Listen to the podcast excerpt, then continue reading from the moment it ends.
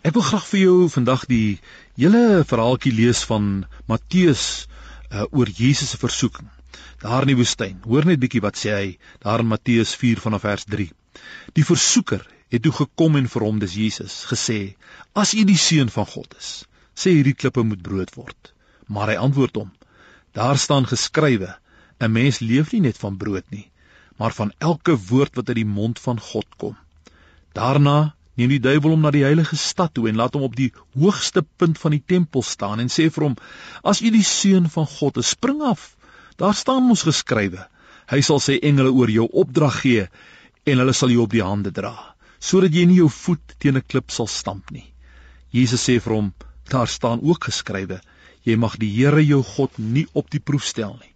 Toe neem die duiwel hom na 'n baie hoë berg toe, wys hom al die koninkryke van die wêreld met hulle pragt en sê vir hom: "Dit alles sal ek vir u gee as u neerval en my aanbid." Jesus antwoord hom: "Gaan weg, Satan, want daar staan geskrywe: Die Here jou God moet jy aanbid en hom alleen dien." Jy weet daar is soveel waardevolle lesse wat 'n mens kan leer uit Jesus se versoeking in die woestyn. Toe hy 30 jaar oud was, is hy gedoop en die Heilige Gees oor hom gekom. Hy was gereed om met sy bediening te begin. Voor daardie tyd, terwyl Jesus nog in privaatheid geleef het daar in Nasaret en sy pa in sy skrynwerkerswinkel gehelp het, lees ons niks van versoeking nie. Maar nou dat hy met sy openbaring bediening begin, is daar ook versoeking. Let daarop dat jy dikwels met versoeking en stryd te doen sal kry kort nadat jy jou lewe aan die Here oorgegee het of dalk wanneer jy op die punt staan om iets vir hom te wil doen. Ek het hierdie vraag al dikwels van verwarde jong Christene gekry wat vra: "Hoekom het ons nou juis nou dat ons vir die Here wil lewe en werk met soveel stryd en aanslae van die vyand te maak?" Dis eintlik te wagte. Voordat jy jou lewe aan die Here gewy het, toe jy nog weinig vir hom gedoen of beteken het, was die duiwel heel ingenome met die toedrag van sake. Hy is besonder hatig op mense wat iets vir die Here wil doen. Hy val juis hierdie mense aan.